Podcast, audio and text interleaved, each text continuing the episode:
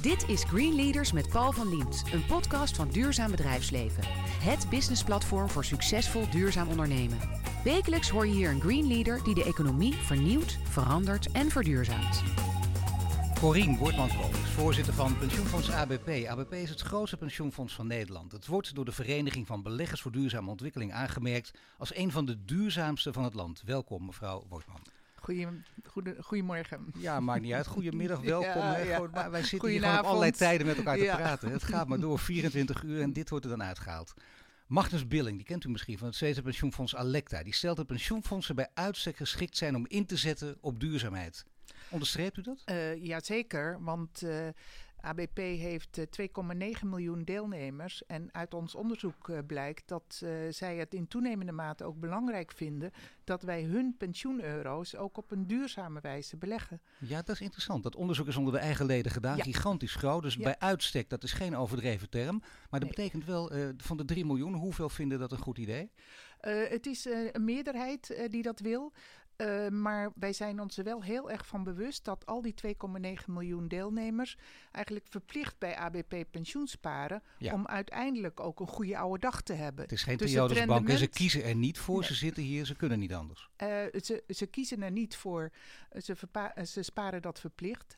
En daarom vinden we het ook wel belangrijk om goed de balans te houden tussen we willen duurzaam en we, we zijn met heel veel eh, initiatieven bezig, maar we letten heel goed op dat dat rendement voor die deelnemer er ook komt. Maar dan toch nog even, hoeveel mensen zijn het in, in percentages uitgedrukt die willen dat ABP duurzaam belegt? Eh, Zo'n 60, eh, ruim 60 procent. Ik durf haast niet eh, te negatief te worden, maar dat is groot. Maar 40% wil dus iets heel anders. Die, Nou, denken, die, die zijn bang voor de rendement, of niet? Nee, zo zwart-wit eh, Nee. is het niet. Eh, want daar zitten meerdere vragen in. Maar er is ook zeker een dikke meerderheid die zegt: ik, mijn pensioeneuro's moeten rendement opleveren. En zeer terecht, Ja. want eh, het is voor hun oude dag. Maar denken die ook meteen, die, denken, die mensen aan die aan hoge rendementen denken, wacht even, eh, dat kan niet als je duurzaam gaat beleggen. Die hebben de waarschuwende vinger omhoog of die zijn een beetje bang? Nou, ik, we merken dat we op dat punt eh, ook de deelnemers echt mee moeten nemen in waarom we het doen. En ook dat we ook kunnen aantonen dat het rendement op, goede rendementen Dat oplevert. lijkt de politiek allemaal van Wortman. Je moet de mensen nou- meenemen. Je ziet hoe moeilijk dat is. Hè? Eh, eh, inderdaad, eh, dat is ook voor ons een uitdaging. Maar wij baseren ons op wetenschappelijk onderzoek. We hebben breed gekeken naar allerlei wetenschappelijk onderzoek. En dat toont aan dat wij, eh, als wij deze pensioeneuro's op een duurzame wijze beleggen, dat we op termijn minstens hetzelfde rendement kunnen halen en mogelijk zelfs een beter. Dus duurzaamheid is eigenlijk wordt steeds meer een soort hygiënefactor om het lange termijn rendement ook te borgen. Ja, maar we merken de politiek dat iedereen er van alle kanten gebruik van kan maken, ook van dit soort teksten. En daar eh, boosheid mee kan gaan opwekken. En dan kun je honderd, keer roepen dat je gelijk hebt, maar je wil het ook krijgen. Dan zul je mensen ook eh, qua draagvlak en gevoel mee moeten krijgen. Hoe kun je dat doen in uw positie? Nou, dat is absoluut het geval. En eh, wat wij doen is dat wij veel met deelnemers in gesprek gaan en ook heel transparant zijn in wat we wel doen. Maar ook in wat we niet doen. Want wij zijn geen eh, pinautomaat voor eh, leuke groene initiatieven. Nee. Elk beleggingsvoorstel wordt door onze beleggers heel degelijk bekeken.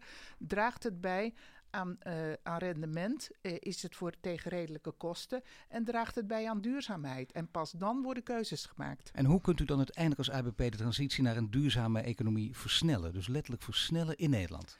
Ja, dat is eh, onze bijdrage aan die energietransitie is voor ons niet iets van zwart-wit. Dus we, we, we stoppen met steenkolen beleggen en dan zijn we duurzaam. Onze inzet is dat we bij willen dragen aan die beweging. En dat betekent dat bijvoorbeeld ook een cementbedrijf moet ook verduurzamen. Ja. Dat kost heel veel eh, energie. Nou, als zij ook eh, hergebruik van grondstoffen eh, meenemen, nou, dan wordt dat ook duurzamer. Dus die moeten we ook aanzetten. En we moeten niet alleen ons focussen op de steenkolen, punt 1.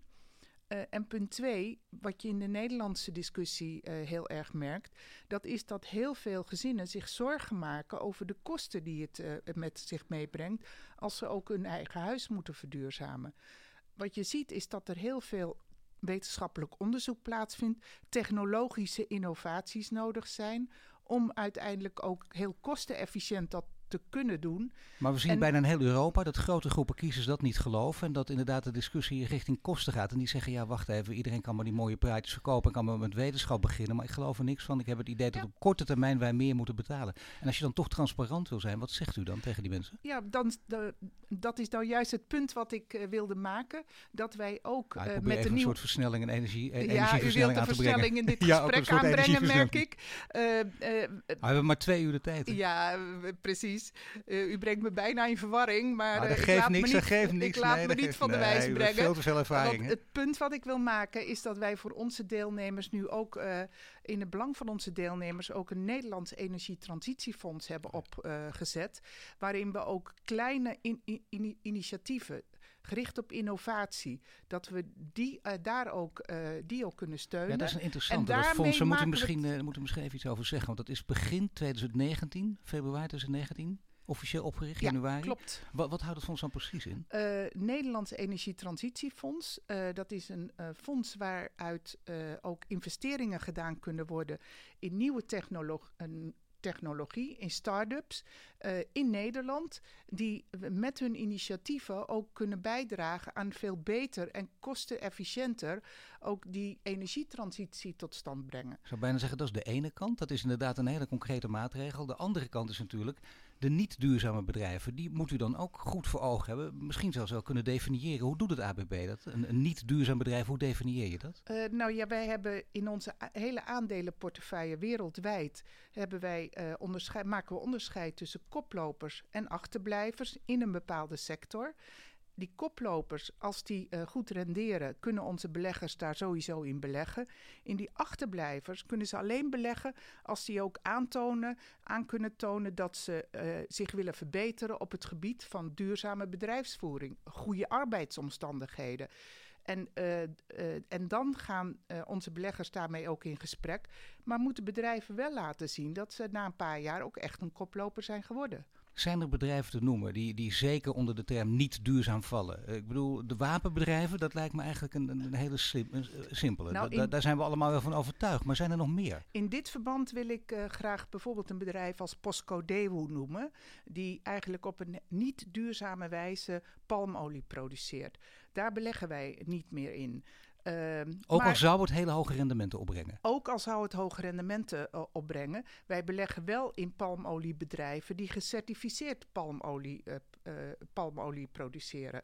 Dus dat eh, zit in onze aandelenportefeuille, hoe wij naar bedrijven kijken. Maar de kernwapens en de clusterbommen die vallen sowieso Eh, af. Tegelijkertijd inderdaad kernwapens, clusterbommen, maar ook tabak. Want eh, dan krijg je zoiets van, ja, tabak op duurzame wijze produceren. maar eh, mensen gaan er toch aan dood. Ja. Dus daarom hebben we tabak en kernwapens helemaal uitgesloten. Dus daar beleggen we niet in. En hoe zit het met alcohol? Eh, alcohol, ja, alcohol eh, is, eh, als je daar te veel van gebruikt, eh, dan is het niet goed. Maar dat is niet per definitie schadelijk. Nee, Dus- zelfs van de Nationale Gezondheidsraad mogen nog, geloof ik, één glaasje per week drinken. Hè? Dus we zijn nog niet En- helemaal en, in het schijnt zelfs goed te zijn voor hart- en vaatziekten Kijk als je aan. dat doet. Daarom, dat mag nog wel. Dan is er nog iets. Eh, Kees Aarts, eh, dat doen we altijd. Hè. Even kijken wie was eh, voor u te gast hier. En de vorige keer was dat Kees Aarts. En Kees Aarts is van Protix, een insectenfabriek, die eiwitten uit insecten halen. Een, een grote, duurzame beginner, terwijl hij al negen jaar bezig is. En Kees Aarts kent u nu nog niet en kennen wij nog niet. Maar over drie, vier jaar weet iedereen wie het is. En dan wil gaan alle talkshows om deze man vechten.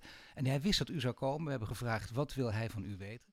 Ja, welke korte termijn financiële kansen heb je laten liggen omdat ze een lange termijn duurzaamheid zouden kunnen belemmeren? Oep. Dat is een, eh, een heel erg eh, abstracte vraag. Nou nee, het gaat echt over. Ik, ik vind het volgens mij een hele goede. Hij zegt korte termijn financiële kansen, die zou je dus nu kunnen pakken. Laten we dat nu even doen. Eh, maar eh, op lange termijn zouden ze wel de duurzaamheid kunnen belemmeren. Dus laten we dat toch maar niet doen. Dat zijn bijna principiële keuzes die je daar moet maken. Wat wij in ieder geval niet doen, waar we het net over hadden, is producten niet beleggen in producten die per definitie schadelijk zijn. Alle andere beleggingen die worden door onze beleggers beoordeeld op hun lange termijn perspectief. Wij zijn geen activistische eh, aandeelhouder. Wij zijn geen belegger eh, die voor het korte termijn gewin gaat. uh, juist dat langere termijn perspectief zit eigenlijk in de genen van onze beleggers. Uh, want ja, en dat is ook het voordeel waardoor wij als ABP ook zo'n hoog rendement kunnen halen. Over de afgelopen 25 jaar gemiddeld 7 procent. omdat wij die, dat lange termijn perspectief hebben. Nu heb je Lucienne de Bakker van de Vereniging van Beleggers voor Duurzame Ontwikkeling. Die stelt, en ik citeer haar, dat inzetten op olie en gas op termijn nog veel risicovoller is dan inzetten op schone energie. En het ABP zet nog wel in op olie en, en zelfs op kolen. Uh, kunt u dat toelichten? Hoe komt dat? Uh, ja, wel zeker. En dat komt omdat wij niet zwart-wit kijken naar, of naar olie, dan wel duurzaam of, of hernieuwbare energie wat wij willen met onze portefeuille is bijdragen aan die trend van verduurzaming. Want ook energiebedrijven zullen hun bijdrage moeten leveren. En als wij zeggen, Shell en BP, wij wassen onze handen schoon, we beleggen er niet meer in, hebben we ook geen invloed meer. Dat is wat, Terwijl, wat de financiële actiegroep uh, Follow This zou willen. Ja. Hè? U zult uiteindelijk hun resolutie daarom ook niet ondertekenen. Uh, wij, uh, wij hebben de laatste resolutie hebben wij niet gesteund. Omdat ze eigenlijk nadat Shell zijn ambitie had uh, verhoogd op uh, klimaatverandering, dat ze wilden dat Shell daar nog verder in ging. En wij hebben gezegd, ja, ambitie is mooi, maar je moet het realiseren. Wij wilden zien dat ook de topmanagement afgerekend zou worden op het bereiken van die doelen. Dus wij hadden ons onthouden op die resolutie. Een half jaar later hebben we inderdaad dat resultaat geboekt dat Shell dat gaat doen. En ook Mark van Baal van Follow This was daar blij mee dat we dat met elkaar bereikt hebben. Dus we, we kiezen soms een andere route nogmaals, we zijn geen activist. Onze beleggers beoordelen altijd weer: is dit een reële eis en hoe kunnen we dit bedrijf verder krijgen? En wil dit bedrijf verder gaan? Want als het bedrijf dat niet wil, ja, dan beleggen wij er op een gegeven moment niet meer in. Ja, wat is op een gegeven moment? Dat is ook uh, bijna zijn het dreigende woorden aan het rest van ook een grote partij als Shell? Nou, op dit terrein uh, is Shell een, uh, een koploper. Hè? Want BP uh, proberen we ook die kant op te krijgen. En andere energiebedrijven. Maar Shell houden we heel scherp in de gaten. Wat ze doen in Nigeria. Als het gaat om corruptie en arbeidsomstandigheden. Als Shell daar de verkeerde kant op gaat, dan zou het kunnen zijn dat u afhaakt als, als zij op termijn daar niet verbeteren, en dan kijken we altijd over een aantal jaar, bedoel, dan kan het op een gegeven moment een andere afweging worden. Ik zou bijna zeggen, als ik uh, mevrouw Wortman was, zou ik denken, geweldig dat ik op deze plek zit, want ik heb, als ik u zo goed beluister, misschien op deze plek nog wel meer invloed dan als politica. Um, de, de, invloed die wij als ABP-bestuur hebben, is dat wij als het ware de beleidslijnen uitzetten van waar moeten onze beleggers rekening mee houden, waar moeten ze naar kijken. Maar de beslissing beleggen we er wel in of niet in, die wordt gemaakt door beleggers en gelukkig niet door het bestuur en door mij.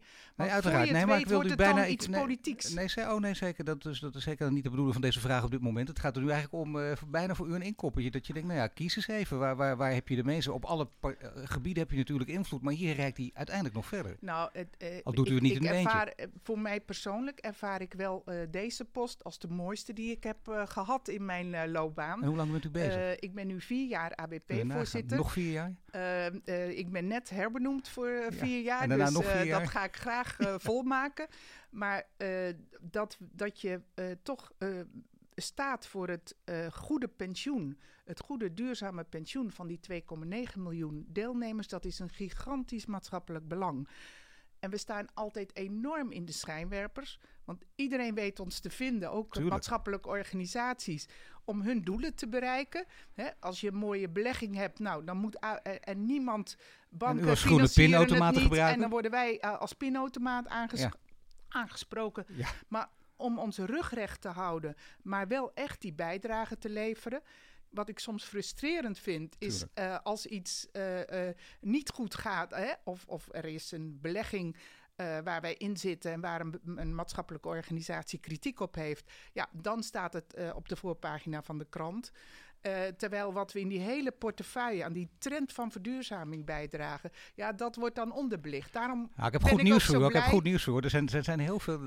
De, media in brede zin proberen niet alleen maar het negatieve Nee, te belichten. nee. U weet het. Nee, en eh, ik ben ook blij met de VBDO dat die ons eh, op de eerste plaats heeft gezet. En dat ervaren we als een enorme steun in de rug om vooral door te gaan. De VBDO, de Vereniging voor Beleggers voor Duurzame Ontwikkeling, waar we het net Exact. over hadden, Lucienne de Bakker. Je hoort Corien Wortman-Kool, bestuursvoorzitter bij ABP. En net spraken we over de manieren waarop ABP inzet op duurzaamheid. En zometeen praten we verder over haar achtergrond.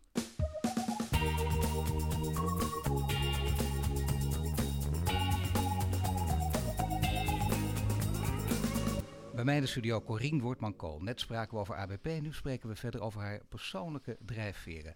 Maatschappelijke betrokkenheid. Als ik eh, uw cv bekijk, uw, loopbaan bekijk, eh, oude interviews ook heel lees, met mensen over u praat, dan gaat het altijd over maatschappelijke betrokkenheid. Het lijkt een soort open deur, maar ik bedoel, eh, op uw leeftijd, met alle respect, maar dan heb je het ook waargemaakt. Waar komt het vandaan? Was het, zat het al heel jong in? Ja, dat heb ik echt letterlijk met de paplepel ingegeven gekregen. Ik kom uit een ondernemersgezin met eh, vijf dochters. Dus ik, had, eh, ik heb vier zussen. Eh, en, Vijf meisjes bij elkaar. ja, ja, ja. Oh, En- dus nooit de harde hand van de man in de discussie. Nou, ik, zou, ik heb het anders ervaren dat mijn ouders het altijd vanzelfsprekend hebben gevonden. Die hebben zelf ook altijd allebei eh, in de politiek en in het maatschappelijk leven zijn ze heel actief geweest. En die vonden het altijd vanzelfsprekend dat wij alle vijf een goede opleiding kregen. Maar ook dat we daarmee wat gingen doen. Ik kom toch een beetje uit een liberaal-Calvinistisch nest. Liberaal En, Calvinistisch. eh, ja, een beetje. De, nou, de, de oude eh, CHU, hè, dat is lang Oh. geleden. Ja, nee, zeker. Maar, Christen-Historische Unie, dat waren inderdaad de mannen en vrouwen van Stavast. Is dat de Bible Belt ook of Ja, niet? ja, ja, maar wel op een, op een eh, liberale manier. eh, Er werd mijn- af en toe een oogje dichtgeknijpen op zijn katholiek. Nee, mijn ouders die zijn juist eh, heel erg eh, altijd op eh, dat iedereen telt en eh, eh, iedereen moet kunnen meedoen eh, in de samenleving. Wel bijzonder wat u Eh, zegt. eh, vijf zussen en alle vijf dus eh, gestimuleerd om ook een maatschappelijke carrière Ja. te hebben. Is dat ook gebeurd? Ja, is ook gebeurd. eh, van wetenschap tot eh, verloskunde en van makelaardij tot, eh, nou, bestuursvoorzitter van ABP. Kijk aan. En de, er achtergrond van, u- allemaal en de achtergrond van uw ouders? Eh, mijn vader had een eh, makelaarskantoor. eh, en mijn moeder heeft daar altijd in meegewerkt. Dus die is ook een voorbeeld geweest. Maar wat ik vooral ook uit mijn jeugd heb meegenomen, is dat het niet je leven, de- uiteindelijk je beroepscarrière, en niet alleen is om het geld te, geld te verdienen, maar om een bijdrage te leveren. Om beteken- Rentmeesterschap is voor een, belangrijk woord zijn. ook. Ja, dat is echt de dagelijkse praktijk van eh, ja, het rentmeesterschap. En eh, daarom vind ik het ook zo mooi dat ik... Ik heb in het bedrijfsleven gewerkt. Ik heb in, op een Haags ministerie gewerkt. Ik heb in de Europese politiek gezeten. Maar echt de mooiste baan vind ik nu eh, bij ABP. Omdat dat, dat is een heel groot financieel belang voor onze deelnemers. Maar het is tegelijkertijd ook een heel groot maatschappelijk belang. hè, om die pensioeneuro's ook op een goede, duurzame manier te beleggen. Nee, het is duidelijk. Het is er ooit met de paplepel ingegoten. Het is er nooit meer uitgegaan. Het is alleen maar sterker geworden als ik u zo hoor. Je kunt wel zeggen dat, eh, dat eh, uw ouders inderdaad liberaal waren. Want u bent geloof ik getrouwd met een katholieke man. En voor de mensen die wat, wat jonger zijn snappen dat niet meer. Maar vroeger, als je, eh, laten we zeggen, eh, protestant-christelijk was en katholiek. Dat kon niet met elkaar. Hè? Twee geloven op één kussen, daar slaapt de duivel tussen. Ja, maar dat is nou, dat typeerde mijn ouders, want vanaf dag één was hij van harte welkom. En hij Eh, is er nog dus, steeds, hè? eh, en hij is er eh, Ja, nog steeds zegt genoeg, eh, ja. dit jaar 37 jaar. Dus eh, dat is eh, het mooiste wat me overkomen is in mijn leven. Nog mooier dan het ABP? Het Nog mooier dan de ABP. Nou, nou, nou, nou, nou, nou, kijk. Ah, zeg, u begint echt te glunderen. Ja. Dat is een goed teken, ja. Mag ik weten wat uw man eh, beroepsmatig doet? Eh, die is eh, eh, jarenlang directeur geweest, ook internationaal van de Wereld Alzheimer Organisatie. Oh. En eh, werkt nu als adviseur in die sector. Dus ook die gaat voor, een- voor een maatschappelijke opdracht. En, en de maatschappelijke opdracht vertaalt zich ook in, in rolmodel zijn thuis? Dat, dat beide vechten om wie is het duurzaamst of niet? Kan je een beetje de maat nou, we- de- in die zin, onze kinderen hebben... De, de een die werkt helemaal op het terrein van duurzaamheid... bij een van de grote bouwers eh, in Nederland. Eh, en de ander eh, zit in de financiële sector, in de private equity... Dus onze dochter zegt altijd tegen onze zoon... nou, als jij het geld verdient, dan zorg ik voor de duurzaamheid. hey, dat is interessant, hè? Want hier wordt het gescheiden. En we proberen dat in de praktijk natuurlijk samen te laten gaan. Dat, dat, is, Nou, dat zou als ideaal je, zijn. Als je de gesprekken eh, hoort tussen die twee, dan is het helemaal niet gescheiden. Want eh, eh, onze dochter zegt, ze begrijpen het bij ons alleen als, als je ook de euro's laat zien. En onze zoon investeert in bedrijven die juist ook weer bijdragen aan technologische innovatie. Dus eh, U komt uit een, eh, een Calvinistisch liberair nest, dat liberaal nest. Dat betekent dat je, dat je niet eh, heel rigide bent. Dat je af en toe ook wel eens iets doet wat, wat volgens de, de regels misschien niet helemaal mag. Als het dan gaat over duurzaamheid, waar zondigt u? nou, deze herken ik eigenlijk niet zo. Hey. Wat ik wel herken is de degelijkheid. En met Nou, de benen op de grond. Ja. En dat is Nuchter. en degelijk. Dus wij, eh, eh, wij jagen als ABP eh, geen duurzaamheidshypes achterna. Het beleid wat ons bestuur heeft opgesteld, dat, dat ervaar ik ook heel erg in mijn hart als passend ook bij mij en om dat uit te dragen. Omdat het realistisch is. Wij willen niet vooruit hollen. maar wij willen wel juist aan die beweging naar duurzaam bijdragen. En staan er ook voor en dat leg ik ook uit, als we in bedrijven beleggen, waarvan dan gezegd wordt, ja, die zijn nog niet duurzaam. Nee, die moeten, dat ook, eh, die moeten duurzamer worden. Maar ik Eh, probeer even naar uw eigen ecologische voetafdruk eh, te zoeken. Want eh, nou, kinderen, dus dan, ja, dan heb je al behoorlijk wat uitstoot. Maar eh, vliegen bijvoorbeeld, veel vlees eten. Ehm, eh, in mijn eigen, in mijn, in mijn eigen ecolo- ecologische footprint, daar is echt nog verbetering mogelijk. waar dan? Wij zijn in toenemende mate eten we meer vegetarisch en minder vlees. Maar In toenemende dat- mate? Ja, we, dus zes dagen Argentijnse steak en dan één dag... Nee, nee, nee, nee, nee. Die Argentijnse steak die is voor, de heer, voor de heren in ons gezin en niet eh, Toch wel? Kijk aan zeggen. Oh, dus daar zit toch nog een Nee, maar traditionele... kijk, dat is aan het veranderen. Eh, ja, en we hebben een huis, we wonen in Zeist eh, tussen de bomen. Ja, om dan zonnepanelen op het dak te leggen, dat is niet echt, eh, dan, daar komt de zon niet bij, dus dat helpt niet. Maar we hebben wel groene energie. Maar het helpt ook niet, denk ik, om elkaar toch voortdurend de maat te nemen. Want u zegt al, eh, nuchterheid is geboden, dat is veel belangrijker, of niet? Nou, en dat stoort mij eigenlijk wel in de discussie in Nederland. Ehm, het lijkt een enorme tegenstelling eh, dat je voor of tegen het klimaat bent. En dat het veel geld ga- gaat kosten of dat je niet wil dat het geld gaat kosten. Dat is mij. Nou, misschien is, is dat mijn natuur ook, maar veel te zwart-wit. Want we zullen wel stap voor stap die kant op moeten, maar wel op een manier dat het ook kostenefficiënt kan. Daarom hebben wij ons ook energietransitiefonds eh, eh, hebben we opgezet. Dat het kostenefficiënt kan. En dat eh, iedereen dat ook kan meemaken. Het beeld dat we ook eh, in Zeist eh, binnen vijf jaar... dat alle huizen van het gas af moeten... dat is volstrekt onrealistisch. En sommige mensen hebben inderdaad dat beeld dat we daar naartoe gaan. Maar Ik vind het interessant wat u nu zegt, want eh, nou is, nou, dan gaat het over de roep om duurzaam leiderschap. Ik zou bijna zeggen wat in de politiek moet blijven, want dit geluid hoor je niet zoveel.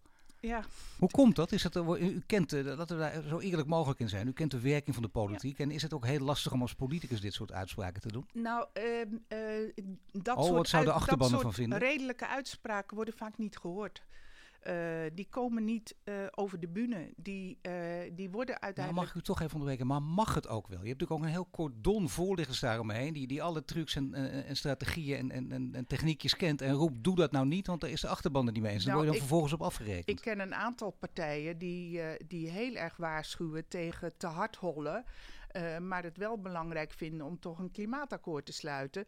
En wel stap voor stap die richting op te gaan. Dus eh, ik, het geluid is er wel in de politiek.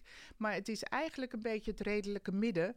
Wat eh, op dit moment wat vermalen wordt tussen de uitersten. Nou bent u niet altijd eh, behorend tot het redelijke midden in uw uiting. Hè? U durft af en toe ook stevig tekeer te gaan. Soms is het nodig. Bijvoorbeeld, u kent het nog wel, een mooi voorbeeld altijd als het om het discussies in het Europarlement gaat. Sarkozy. Kleine man, maar een hele grote mond. Stevig type. Daar durfden we- weinig mensen tegen in te gaan. U deed dat wel. Hij noemde u zelfs een lastpak. Hoe kwam dat? Nou ja, omdat ik stond voor degelijke overheidsfinanciën en ook een meerderheid in het parlement achter me had. eh, dat niet alleen Nederland zich aan de begrotingsregels moet houden, maar ook Frankrijk, Italië en Griekenland. En eh, Sarkozy wilde eigenlijk dat een land toch zelf zou kunnen beslissen of ze aan de regels zouden voldoen. Ja, en met die meerderheid van het parlement is het uiteindelijk wel eh, gelukt eh, om eh, dat voor elkaar te krijgen. Alleen als ik daar nu naar kijk, dan mag het nog wel een tandje steviger in de uitvoering. En hoe dan? Nou, uiteindelijk is het toch vaak een politieke afweging. hè? Dat hebben we met Italië gezien onlangs. Wordt, is het nou voldoende wat ze doen om hun begroting op orde te krijgen of niet? Eh, maar goed, dat was mijn, eh, mijn vorig leven. Maar ik volg dat nog wel op de voet. Ik hoor wel als rode draad steeds eh, duurzaamheid, degelijkheid, het redelijke midden zoeken. Ja. Als je zoekt naar, wat we ook in deze podcastreeks proberen, zoeken naar duurzame leiders. Het mooiste is natuurlijk als je een paar namen kan noemen, rolmodellen. Hebt u, hebt u die voorhanden? Eh, als het om duurzame leiders gaat, dan eh, vind ik dat er van een aantal grote bedrijven eh, in Nederland, dat die dat wel degelijk doen. Fijke Siebesma voorop. Paul Polman? Paul Polman, alhoewel niet alle producten van Unilever even duurzaam zijn. nou, maar proberen even groot natuurlijk, maar wel grote lijnen. neer te zetten. Maar ook ja, een aantal pensioenfondsen, ook onze collega's van Pensioenfonds voor Zorg en Welzijn. Eh, en wij, ook wij eh, proberen in onze sector zo'n leidende positie Maar eh, juist omdat het zo'n grote discussie is, dat het voor u als pensioenfonds ook zo belangrijk is. waar zouden duurzame leiders, mensen die anderen dus in beweging kunnen krijgen, waar zouden die aan moeten voldoen? Nou, wat ik belangrijk vind, hè, want u benoemt mij als een duurzame leider, dus laat ik het maar niet. definiëren Maar hoe moeten ik, we dit hoe interview ik niet dat zie. uitzenden? Ehm, eh, dit- het duurzaam leider zijn betekent voor mij niet een soort wedren van om de duurzaamste te worden. Eh, wat, wat ik belangrijk vind, is dat je ook echt kunt laten zien dat je daadwerkelijk een bijdrage levert. Dus dat je daadwerkelijk, en dat is voor ons met onze investeringen, trouwens niet alleen eh, eh, in Nederland en in Europa, maar wij beleggen ook in een bedrijf wat microkredieten eh, in Afrika eh, uitzet. Een bedrijf wat goed rendement maakt. Een bedrijf wat bijdraagt aan goede scholing eh, in, in Brazilië. Dus, maar dat wij kunnen laten zien dat die pensioeneuro's meer doen dan rendement opleveren. Dan geef je dus voorbeelden, dat is heel duidelijk. En uitleg op een goede manier, niet paternalistisch, ook een dialoog. Heeft u allemaal verteld, dat begrijp ik. Uiteindelijk wil je wel weten, eh, de nieuwe duurzame leider van de toekomst heeft een bepaalde stijl van leiding geven. Ja. Wat is uw eigen stijl van leiding geven? Eh, dat is ehm, ehm, staan eh, voor wat je doet, hè, het goede doen en dat ook laten zien. En daar ook heel transparant in zijn, heel open in zijn. ook als je als fouten het maakt. goed gaat, maar ook de dialoog aangaan eh, als het spannend wordt. Hè, wij hebben eh, een eigen actiegroep van deelnemers, ABP Fossielvrij. Daar spreek ik regelmatig mee. Die willen. Die zijn het niet helemaal eens met onze koers. Die Nee. vinden dat wij verder moeten gaan. Maar die, door ermee te praten, levert dat ons weer nieuw extra inspiratie op. En begrijpen zij beter dat we wel door die hele portefeuille eh, heen inderdaad eh, fors aan het verduurzamen Nee, dat is zijn. een heel goed voorbeeld, ook een, een voorbeeld van leiding geven. Je kunt ook zeggen dat dat, dat legt schade op. U begint er notabene zelf over. Dat, dat is inderdaad heel transparant. Ik had het ook wel gewild, maar het is goed dat u het zelf inderdaad doet. Vind ik een goed voorbeeld. Betekent wel dat u uiteindelijk te- ze probeert te bewegen naar het redelijke midden. Want als uw ABP volledig fossielvrij zou zijn, wat zou dat betekenen? Ehm, nou, eh, dat redelijke middel komt me iets te vaak langs. eh, waar, waar wij naar bewegen. Ja, drie keer al. Hè? Nou, ja, zou- drie ja. keer al. Ja. Waar wij, want we hebben echt een duidelijk doel voor ogen. En dat doel is dat een goede rendement voor die deelnemer op een duurzame wijze realiseren. Dat is het doel wat we voor ogen hebben. Daar hebben we ook concrete doelstellingen op gesteld. Want daar hou ik ook van. Je moet ook wel resultaat boeken. Nou, die concrete doelstellingen voor 2020, die gaan we allemaal eh, halen. Eh, ziet het naar uit. En we zijn nu bezig, ook weer in samenspraak met onze deelnemers, met, met eh, hoogleraren die ook bij ons pensioeneuro's beleggen, met eh, maatschappelijke organisaties samen om te kijken van hoe gaan we nu voor de komende vijf tot tien jaar ons beleid verder voortzetten. Dat En- begrijp ik. En, met, en dat met- ook om daar zo het gesprek over te zoeken, dat vind ik ook echt voor een leider belangrijk.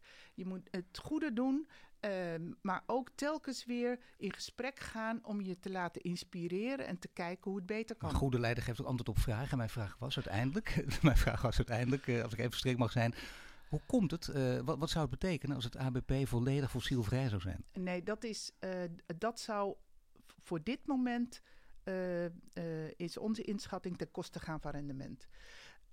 Maar de Dus belangrijkste hier is rendement belangrijker dan duurzaamheid. voor ons, eh, en dat, heb ik, dat is de rode draad door dit hele gesprek. eh, dit zijn de pensioeneuro's waar wij rendement op willen halen op een duurzame wijze. Maar wat wij wel doen, is dat wij, eh, en daar lopen we wereldwijd voorop, dat we voor die hele portefeuille klimaatrisico's in kaart brengen. Want wij zijn ook uh, uh, in die dialoog die wij hebben met partijen, ja, komen de stranded assets vaak langs. Hè? Dus het risico dat je in iets belegt waar eigenlijk de waarde uh, straks van ja. naar beneden gaat. Daarom inventariseren wij de klimaatrisico's op de hele portefeuille en nemen we ook maatregelen als we zien dat dat inderdaad financiële effecten heeft. Dus ehm, ehm, door die combinatie van die beweging in de portefeuille van steeds minder kolen, ste uh, uh, olie en steeds meer naar gas en hernieuwbare energie. Steeds meer energie-efficiëntie. En de klimaatrisico's goed in kaart brengen, denken wij dat wij op een solide wijze bezig zijn. Aan het woord is Corine Wortman-Kool. Net spraken we over haar persoonlijke drijfveer en natuurlijk ook over rendement en duurzaamheid. En zo praten we verder over de houdbaarheid van het huidige pensioenstelsel en over haar visie op de klimaatdiscussie.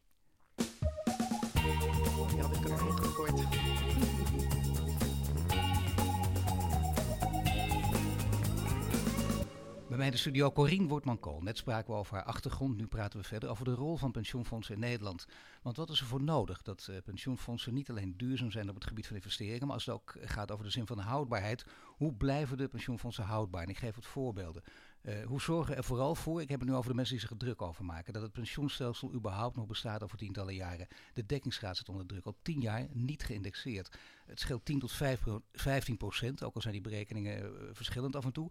En uiteindelijk komt het door het beleid van de Europese Centrale Bank. De rente blijft laag en we weten zeker dat dat nog een tijdje zo zal blijven. Wat zegt u tegen mensen die zich om die reden zorgen maken? Um, aan onze deelnemers die zich zorgen maken, uh, proberen we aan de ene kant uit te leggen waarom binnen de spelregels waarin we nu pensioen moeten vormgeven, uh, uh, we doen wat we doen en wat ze van ons kunnen verwachten. Uh, wat, wat we daar altijd bij vertellen is dat. want het is te kort door de bocht om te zeggen: het komt door de ECB dat wij de pensioenen niet kunnen verhogen. Nee, maar het is even. Ehm, ja toen onze deelnemers pensioenpremies inlegden, was de levensverwachting een stuk korter dan nu. Dus gemiddeld krijgt elke gepensioneerde veel langer uh, een pensioenuitkering. En dat kost geld. Dat is al 10% van die indexatie. Maar toch, het beleid van het ECB kun je niet helemaal wegpoetsen natuurlijk. Uh, ik ben niks aan het goed praten. Nou ja, ik praat uh, alleen uh, in economen na die op dit gebied uh, internationaal nou, het, het, het, is niet een spoor iets, hebben verdiend. Uh, het is niet iets van alleen de rente. Uh, en de rente wordt trouwens niet alleen door de ECB bepaald, maar ook door hoe de economie zich uh, ontwikkelt. Het is niet alleen iets van rente, want rente dat maakt, en ik zeg het maar even heel grof, dat is toch van re reken je die pensioenpot meer toe aan de ouderen of aan de jongeren. Wat veel belangrijker is, of wat ook belangrijk is, dat is de rekenregels die wij nu moeten toepassen en de enorme buffer die wij moeten aanhouden. Maar wat belangrijk is, en daarom hoop ik echt dat nu de komende weken, de komende maanden, er een pensioenakkoord gesloten wordt, want er is meer aan de hand. Mensen werken niet meer 40 jaar als kostwinner bij dezelfde werkgever, waardoor het eigenlijk vanzelfsprekend wel goed maar komt. Maar dat weten we al jaren. Alleen waarom loopt de politiek dan zo achter?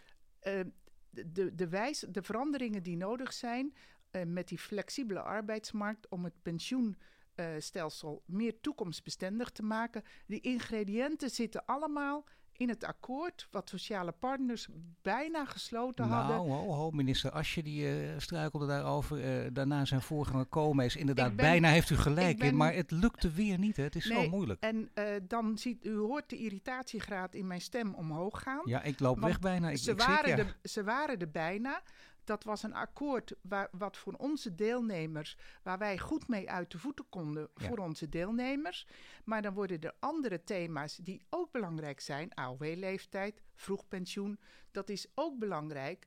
Maar in de hele, ook als ik zo uh, de maatschappelijke discussie uh, uh, volg, dan is, zijn die thema's en de discussie die daarover met het kabinet gevoerd wordt, liggen de meningen nog te ver uiteen om uiteindelijk een akkoord te bereiken. En mijn oproep aan de partijen is: pensioen voor die miljoenen deelnemers, niet alleen van ABP, is zo belangrijk.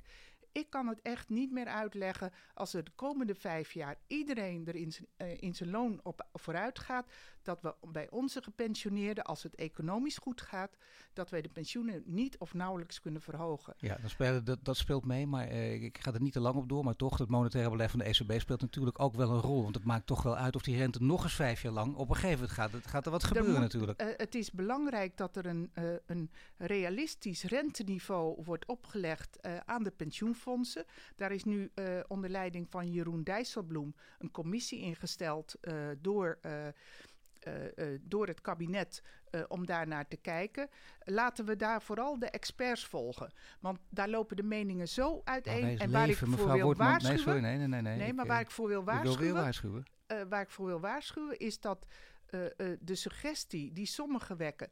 dat we draaien even aan de renteknop pensioenfondsen mogen even met een hogere rente rekenen. En dan hebben we het probleem nee, opgelost. Nee. Dat is niet Daar heeft u gelijk in, het is veel genuanceerder. Aan de andere kant, om meteen experts te volgen.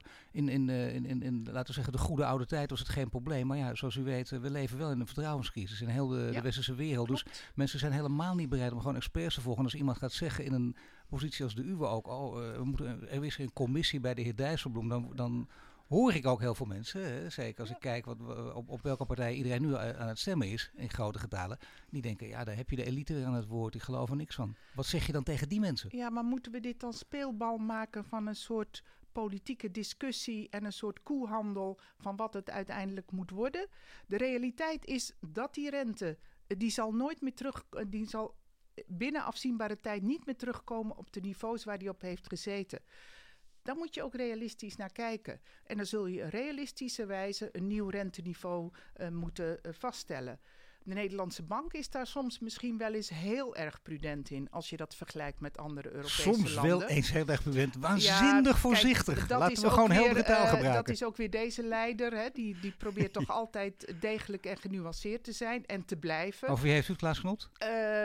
Uh, ik uh, had het over de Nederlandse bank en hij, hij leidt die. die soms nou dan, ja, zeg. Uh, de, hij is soms ten opzichte van andere Europese landen, is de Nederlandse centrale bank soms wel eens heel erg prudent. Maar het gemak waarmee sommige politieke partijen zeggen van nou we draaien even aan de renteknop en hebben we het opgelo opgelost. Ik, dan, dan verliezen we echt definitief de steun van de jongere generaties voor pensioen. Dus Want dat u voorziet wel dat het daarom oplossing. gaat. Het, gaat. het is vooral uiteindelijk, ik bedoel, Nee. het is heel veel, maar het is ook heel groot nog steeds, die strijd tussen jong en oud. Uh, daarom is het zo belangrijk dat we niet alleen kijken naar de rekenregels voor pensioen, maar dat we ook uh, de, de flexibele arbeidsmarkt, de gewijzigde omstandigheden, het afschaffen dat jongeren eigenlijk ten opzichte van de premie die ze inleggen relatief een lage opbouw krijgen. Uh, en pas uh, na hun 45ste uh, meer opbouw. Terwijl ze dan misschien het pensioenstelsel al verlaten hebben, Ja. omdat ze ZZP'er zijn geworden. Dat soort wijzigingen. Wat ook heel belangrijk is, is uh, dat jongeren die willen graag inzicht in wat zit er voor mij in de pot. Die, die, dat zegt ze niks wat ze straks na AOW-leeftijd uh, krijgen. Wij hebben daar experimenten mee gedaan voor al onze deelnemers. Die hebben inzicht in hun pensioenpot. En dat verder ontwikkelen draagt ook heel erg bij aan het vertrouwen. En ook daarvoor zijn die wijzigingen in het stelsel, dus los van de rekenregels, ook die wijzigingen in het stelsel zijn hard nodig. Ik wou het zeggen, want anders blijft het toch inderdaad de babyboomer tegen de millennial. En de babyboomer heeft nota bene, hoe ironisch kan het zijn, de Ja. millennial gebaard. Dus dat, dat, staat, dat, dat gaat dan in de Ehm, Nederlandse gezinnen ook niet goed, hè? Nee, uh, Als ze kijk, bij elkaar langskomen. en tegelijkertijd, en daar komt dan weer die redelijkheid van deze leider uh, langs. U begint er zelf. Ehm, uh, tegelijkertijd, uh, als je vergelijkt wat een Nederlandse gepensioneerde krijgt aan pensioen en je vergelijkt dat met andere landen, dan is ons pensioenstelsel nog altijd heel erg goed. Alleen dat hoort u, in dit lange gesprek noem ik het, maar dat hoort u niet zo vaak uit mijn mond omdat ik niet het soort wil goed praten dat het allemaal wel oké is. Die veranderingen zijn nodig, maar nog een reden waarom besluitvorming zo belangrijk is. Uit onderzoek blijkt dat alleen al doordat er jarenlang discussie is, krijgen mensen het gevoel het deugt niet. En uh, voor je het weet, uh, gaan we dan de fundamenten van dit mooie stelsel aantasten. Uh, daar staan wij pal voor, het collectief pensioenbeleggen, waardoor we al die mooie rendementen kunnen halen. waardoor je levenslang aanspraak kunt Ook maken dus door duurzaam te beleggen, want dat gaat natuurlijk, dat is een hele belangrijke in deze discussie. Ook door duurzaam te beleggen kun je inderdaad hoge rendementen halen. Je kunt alleen niet precies zeggen op wat voor termijn. Eh, eh, Mensen, willen, mensen zijn niet nee. altijd even geduldig ook op dit gebied. Nee, maar eh, wij blijven dat onderzoeken. De koers die wij hebben ingezet, kunnen we ook die goede rendementen ook naar de toekomst toe borgen. We zijn natuurlijk wel afhankelijk ook van financiële markten. Dat Tuurlijk. was de laatste maanden van vorig jaar ni- niet zo fijn. Maar goed, dat trek weer bij. Eh, maar nu raak ik van mijn, eh, van mijn Nou, nee, u heeft, koers uw af. punten, u heeft uw punt wel gemaakt. Ik Het, heb mijn punt wel maar gemaakt. het belangrijke punt dat we wil, ook nog even willen maken, althans ik graag, en ik hoop dat u daar een antwoord op heeft, de manier waarop het debat over klimaat en duurzaamheid wordt gevoerd. Ehm, laten we zeggen, Nederland bijvoorbeeld, na de laatste provinciale statenverkiezingen is onbestuurbaar geworden. Zeggen mensen die er helemaal geen helmen in zien. Anderen zeggen heel goed dat die discussie nu eindelijk eens op scherp wordt gesteld. En dan nog een derde punt. Nou, eerst maar dit. Wat, wat vindt u, welke, welke van de twee staat u het dichtst bij? Nou ja, eh, eh, ik vind dat wij een hele erg, eh, eh, toch een levende demo- democratie hebben. Dat mensen hun hart volgen als ze stemmen. En de uitkomst, daar zullen de politici eh, eh, en het kabinet hun weg in moeten vinden om eh daar binnen meerderheden te zoeken. En ook te leren van, eh, van de manier waarop mensen wel of niet op partijen hebben gestemd. Mag ik één ding uitpikken in Nederland? Eh, De klimaatwet, die moet Ja. ook nog door de Eerste Kamer. En na deze verkiezingsuitslag lijkt het zo dat die ook niet doorheen zou komen. Dat betekent 2050, 95% CO2-uitstoot. zou allemaal kunnen zijn dat dat soort lange termijn eh, zaken weer op, op de helling komen. Nou, als ik het bekijk vanuit het perspectief eh, van eh, ABP, eh, dan is voor ons niet het allerbelangrijkste hoe hoog die ambitie in Nederland uiteindelijk wordt gesteld. Wat voor ons belangrijk is, is dat je wereldwijd een beweging ziet van eh, wij moeten een, verduurzaming inzetten, wij moeten schoner omgaan met grondstoffen. Dat je in toenemende mate ziet dat bedrijven, hè, want dan hebben we het niet alleen over DSM en Unilever, maar dat bedrijven daar ook goed winstgevend mee kunnen zijn. Sterker nog, in hun businessmodel ook willen bijdragen aan die verduurzaming. En wij willen dat stimuleren met onze beleggingen. Dat, dat is onafhankelijk van hoe hoog we de ambitie in Nederland leggen, zien wij dat eh, eh, als onze opdracht. En dan nog een heikel punt. Eh, speelt Europa daar een hele grote rol in of niet? Of moeten we het echt voorlopig tot de eigen natiestaat beperken? Europa speelt daar wel degelijk een rol in. Ik zal u één thema noemen. Dat is de prijs voor CO2 die bedrijven moeten betalen als ze veel CO2 uitstoten. Het zogenaamde Europese emissiehandelssysteem. Ja. Als die prijs op een hoger niveau wordt gelegd in heel Europa, dan eh, worden de, de concurrentieverhoudingen worden niet verstoord.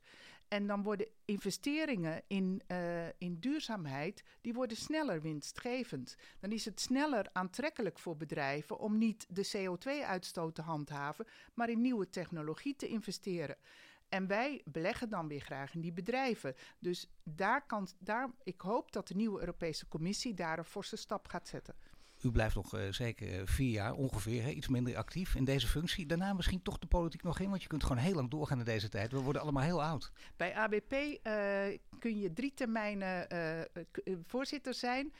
Ik ben net aan mijn tweede termijn begonnen, dus ik heb nog heel wat jaren voor de boeg, hoop ik. Want we hebben nog een enorme opgave te gaan. Zowel aan de kant van, duurza- van duurzaamheid met goede rendementen, als eh, ook als het eh, mijn hoop eh, dat we toch echt door, doorslag of de omslag kunnen maken naar een nieuw stelsel.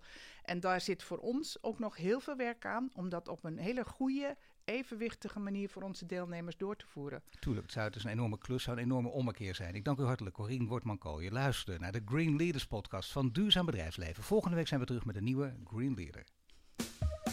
Dit was de Green Leaders podcast voor deze week.